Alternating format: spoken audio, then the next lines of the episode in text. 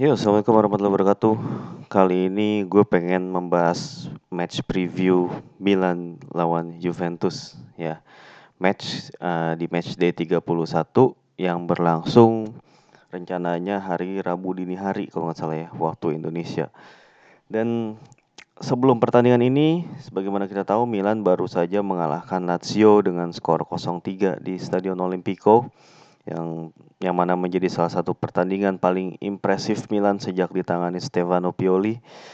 Dan Juventus juga baru saja mengalahkan Torino dalam Derby della Mole dengan skor yang cukup mencolok 4-1. Dan ini semakin mendekatkan mereka ke gelar Scudetto ya karena mereka sekarang 7 poin clear ya di atas Lazio yang menduduki peringkat kedua. Uh, dan uh, Milan tentunya berkesempatan untuk membuat liga tetap seru sampai akhir seandainya Milan berhasil ngalahin Juventus dan di pertandingan lain Lazio juga kembali meraih kemenangan gitu ya. Uh, dan Milan tentunya punya peluang yang bagus untuk untuk menang menurut gue di pertandingan ini.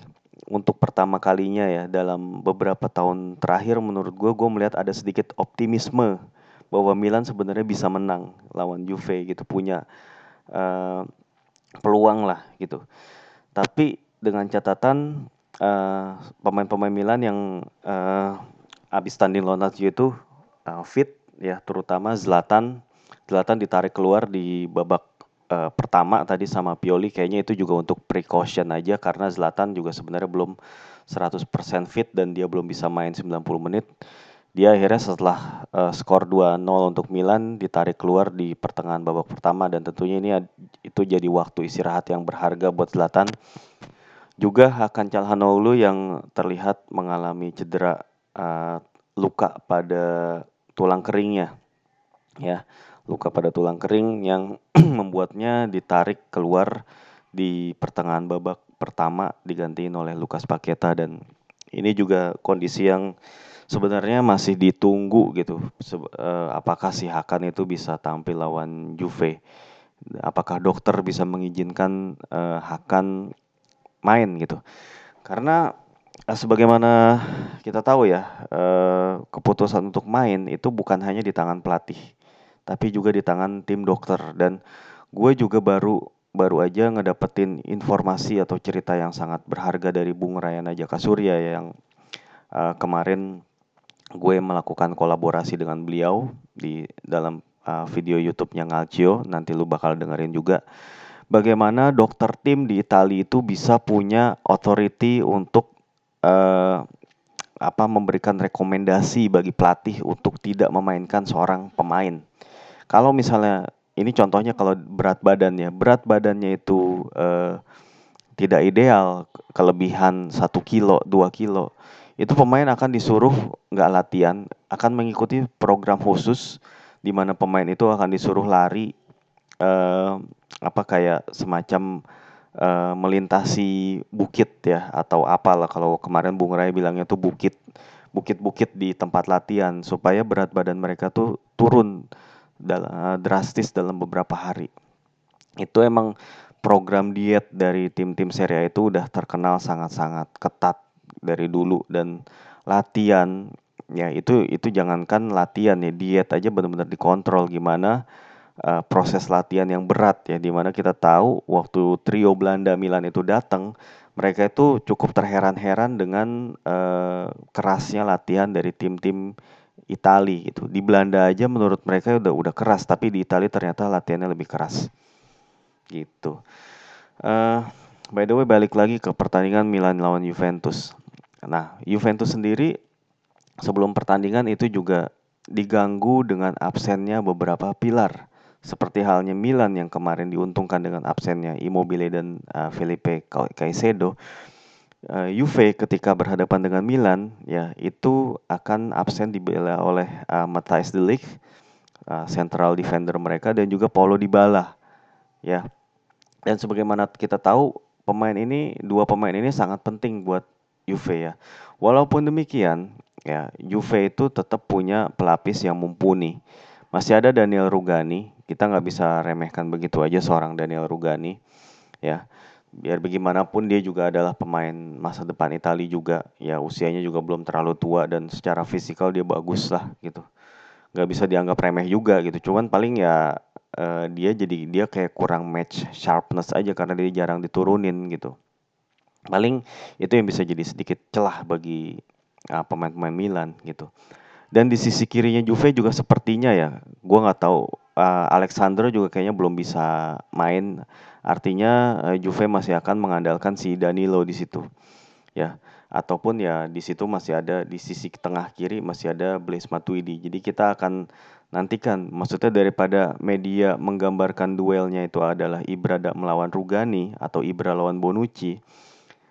Sebenarnya duel yang patut ditunggu adalah Matuidi lawan Selemaker. Duel antara dua pemain yang punya high determination ya, punya kecakapan fisik ya punya apa namanya semangat bertanding yang gak diragukan ini akan menjadi duel yang tentunya sangat alot gue bilang antara Selemaker dan Matuidi gitu uh, apa namanya kalau ngomongin line up juga ya selain selain apa selain Delik itu juga di Bala kalau gue nggak salah info ya tadi gue sempat baca tweet uh, apa namanya di Twitter gitu ya itu katanya Dybala juga akan absen karena kartu kuning. Correct me if I'm wrong ya. Tapi kalau emang bener absen menurut gue itu juga kerugian buat Juve sih karena Dybala lagi bagus banget kan.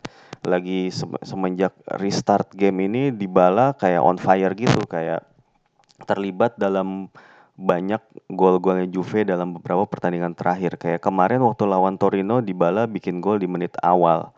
Terus waktu lawan Bolonya juga Dybala bikin gol cantik juga. Artinya pemain yang top pemain top form yang absen itu pasti berpengaruh juga gitu. Walaupun walaupun sekali lagi uh, ini juga nggak bisa dijadiin uh, jaminan gitu ya bahwa Juve akan melemah seperti halnya Lazio yang melemah karena uh, absennya Ciro Immobile dan si Felipe Caicedo gitu.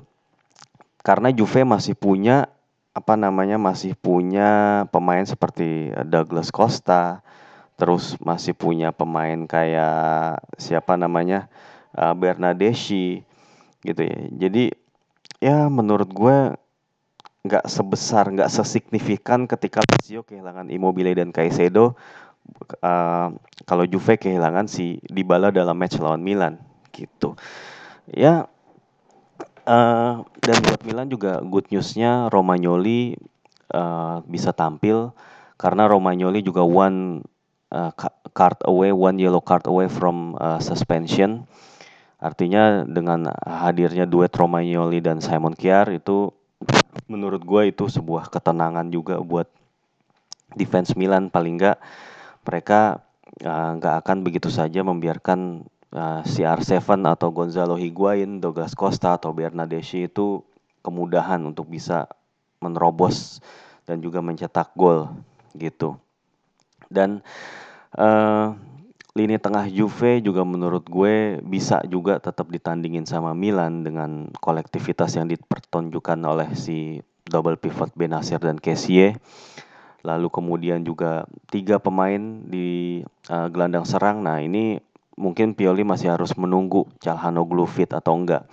Kalau Calhanoglu itu enggak fit, mungkin si Pioli bakal langsung nurunin si Ante Rebic main di sayap kiri, gelandang sayap kiri. Dengan Jack Bonaventura atau Lucas Paqueta uh, di belakangnya Ibra. Jadi kemungkinan Ibra itu akan uh, dipasang sebagai penyerang uh, tengah dan didukung oleh tiga pemain itu. Dan si Pioli juga masih punya Rafael Leao yang kemarin eh, lawan Lazio itu nggak diturunin. Gua rasa Leao juga bisa jadi disimpan waktu untuk lawan Juve karena Leao itu akan benar-benar fit ya, benar-benar fit karena dia juga di dua match sebelumnya juga masuk sebagai pemain pengganti. Dan di waktu lawan Lazio nggak dimainin. Artinya uh, Leao itu bisa jadi senjata rahasianya Stefano Pioli. Dan ya mudah-mudahan aja yang dimaksud senjata rahasia itu nggak digunakan Pioli pada saat misalnya Milan itu ketinggalan atau ngejar gol. Dan mudah-mudahan aja uh, Leao sebagai senjata rahasia itu juga bisa dipergunakan untuk mempertahankan keunggulan atau bahkan menambah gitu. Jadinya artinya menurut gue Milan itu cukup punya advantage dan that's why gue bilang Milan punya kesempatan yang cukup baik untuk menang ya di pertandingan ini. Kecuali kalau uh, misalnya pemain-pemain Milan itu nggak tampil sebaik biasanya gitu. Atau misalnya misalnya apalagi lah misalnya Pioli membuat tactical uh, tactical mistake atau blunder gitu atau yang aneh-aneh. Maksud gue kalau misalnya situasinya normal harusnya tuh Milan punya peluang menurut gue. Itu karena dari sisi Juventus sendiri mereka nggak dalam uh, kekuatan terbaik dan mereka juga pastinya ada faktor kelelahan juga sama seperti Milan gitu. Dan ya menurut gua motivasi pemain-pemain Milan juga harus besar gitu karena mereka juga masih uh, belum jauh dari kata aman masih belum menggeser Roma dari uh, peringkat kelima untuk ngedapetin tiket Europa League secara otomatis tanpa melalui babak kualifikasi gitu. Dan motivasi itu benar-benar harus ditanamkan kepada pemain-pemain Milan gitu supaya mereka uh, bisa mengakhiri musim dengan baik dan juga bagi Stefano Pioli sendiri supaya dia bisa membuat si owner itu pada mikir gitu. Karena emang media-media gue lihat tuh beberapa media gue nggak sebut nggak perlu sebut namanya lah gitu itu labil banget ya ketika abis uh, Pioli ngebawa Milan menang lawan Roma itu berita yang muncul, wah Pioli bisa di extend nih, bisa bikin Elliot mikir. Eh begitu seri, seri lawan Spal, berita yang muncul adalah bisa aja Raf Rangnick itu dipercepat gitu kedatangannya. Ya elah, gue bilang, aduh media ini benar-benar reaktif ya dan untuk beberapa kadang-kadang gue malesnya kalau untuk beberapa fans yang emang gampang kepengaruh ini wah ini nggak sehat banget gitu kondisinya. Menurut gue nggak usah terlalu reaktif kayak gitulah gitu loh. Dikit-dikit ke trigger dikit-dikit bereaksi begini begitu. Itu reaksi itu diberikan dalam satu pertandingan ibaratnya satu reaksi dalam satu pertandingan uh, ke pertandingan lainnya itu bisa beda-beda gitu. Di pertandingan per, uh, yang A bisa memuji sedikit setinggi langit eh kemudian ketika di pertandingan B tampil jelek wah nginaknya udah kayak apa gitu itu jadinya berpengaruh juga kepada fans juga gitu lu kalau sebagai media kayak begitu uh, kelakuan fans juga jadi kayak begitu. Oke paling ya secara taktikal tadi udah gue jelasin juga Milan perlu bermain disiplin seperti halnya yang mereka udah pertontonkan belakangan ini. Di samping Milan perlu pay attention terhadap pemain-pemain Juve yang juga punya kapasitas dalam menciptakan peluang buat mereka sendiri gitu. Jadi kalaupun sistem ya katakanlah orang bilang sari ball gitu belum jalan banget di Juve, tapi paling nggak mereka punya beberapa pemain-pemain yang bisa jadi pembeda gitu. Orang kayak si Ronaldo, Douglas Costa, bahkan Bernadeschi, Pjanic itu pemain-pemain yang punya kapasitas sebagai uh, difference maker gitu loh. Artinya ya Juve masih tetap lah kekuatannya tetap di atas Milan. Biar bagaimanapun juga ya biarpun tanpa si Matthijs de Ligt ataupun tanpa si Dybala gitu. Tanpa Dybala sekalipun Juve tetaplah Juve. Dan menurut gue ya butuh lebih dari sekedar konsentrasi full dan juga komitmen. Tapi juga butuh yang kayak yang di pertandingan lawan Lazio tadi kayak efektivitas memanfaatkan peluang terus kemudian mengalirkan bola dengan cepat, ngepres dengan disiplin banget gitu. Dari sejak di daerah lawan juga berani ngepres, main dengan bermain dengan courage, bermain dengan taktik yang tepat dan efektivitas. Uh, itu menurut gue jadi kunci untuk ngalahin Juventus. Artinya ketika misalnya ada ada 10 checklist nih, misalnya buat Milan untuk bisa memenangkan pertandingan. Ibaratnya kalau mau menang lawan Juve paling nggak Milan perlu sepuluh sepuluhnya atau paling enggak sembilan sembilan checklist itu harus penuh lah gitu. Nggak bisa Milan tuh cuman bisa mem, cuman memenuhi tujuh checklist apalagi enam checklist gitu. Ya paling enggak butuh performa yang bagus banget bagi dari Milan ya. Butuh juga performa sorry performa lini depan yang bagus lini belakang yang disiplin lini tengah yang bisa ngepres dan ngalirin bola dan juga bisa jadi uh, adanya faktor uh, pemain Juve yang main jelek ataupun ya ketidakberuntungan gitulah gitu loh yang bisa mencegah Juve ngalahin Milan dan juga bisa akhirnya bisa membuat Milan menang lawan Juve. Oke, uh, sekali lagi gue umumin gue ngasih giveaway di pertandingan ini yang apa informasi yang gak kalah penting ya. Jadi buat yang belum kasa, belum follow Kasamilan Podcast di Twitter silakan follow dan silakan juga subscribe video apa pun dari channel Ngalcio di YouTube. Setelah di-share, apa setelah di-subscribe, subscribe, di-share videonya, di-mention ke Kasamilan Podcast sebagai bukti bahwa lu udah subscribe, udah nge-share gitu videonya.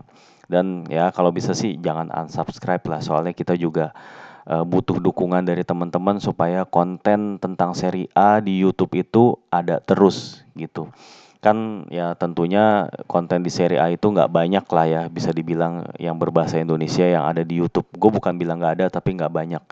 Jadi ya supaya bisa tetap ada dan supaya kami juga bisa tetap menghadirkan bintang tamu-bintang tamu yang bagus gitu. Jadi kita butuh dukungan dari teman-teman sekalian. Oke dan salah satu bentuk dukungannya adalah subscribe. Ya gratis kok subscribe apalagi lu berkesempatan memenangkan jersey originalnya Milan gitu. Ya nggak ada nggak ada ruginya sama sekali malah lu untung kan. Oke. Ya udah kurang lebihnya gitu aja. Sekali lagi eh, mohon maaf atas segala kekurangan dan makasih banget udah dengerin Kasa Milan Podcast. Yuk, wassalamualaikum warahmatullahi wabarakatuh. Have a nice day.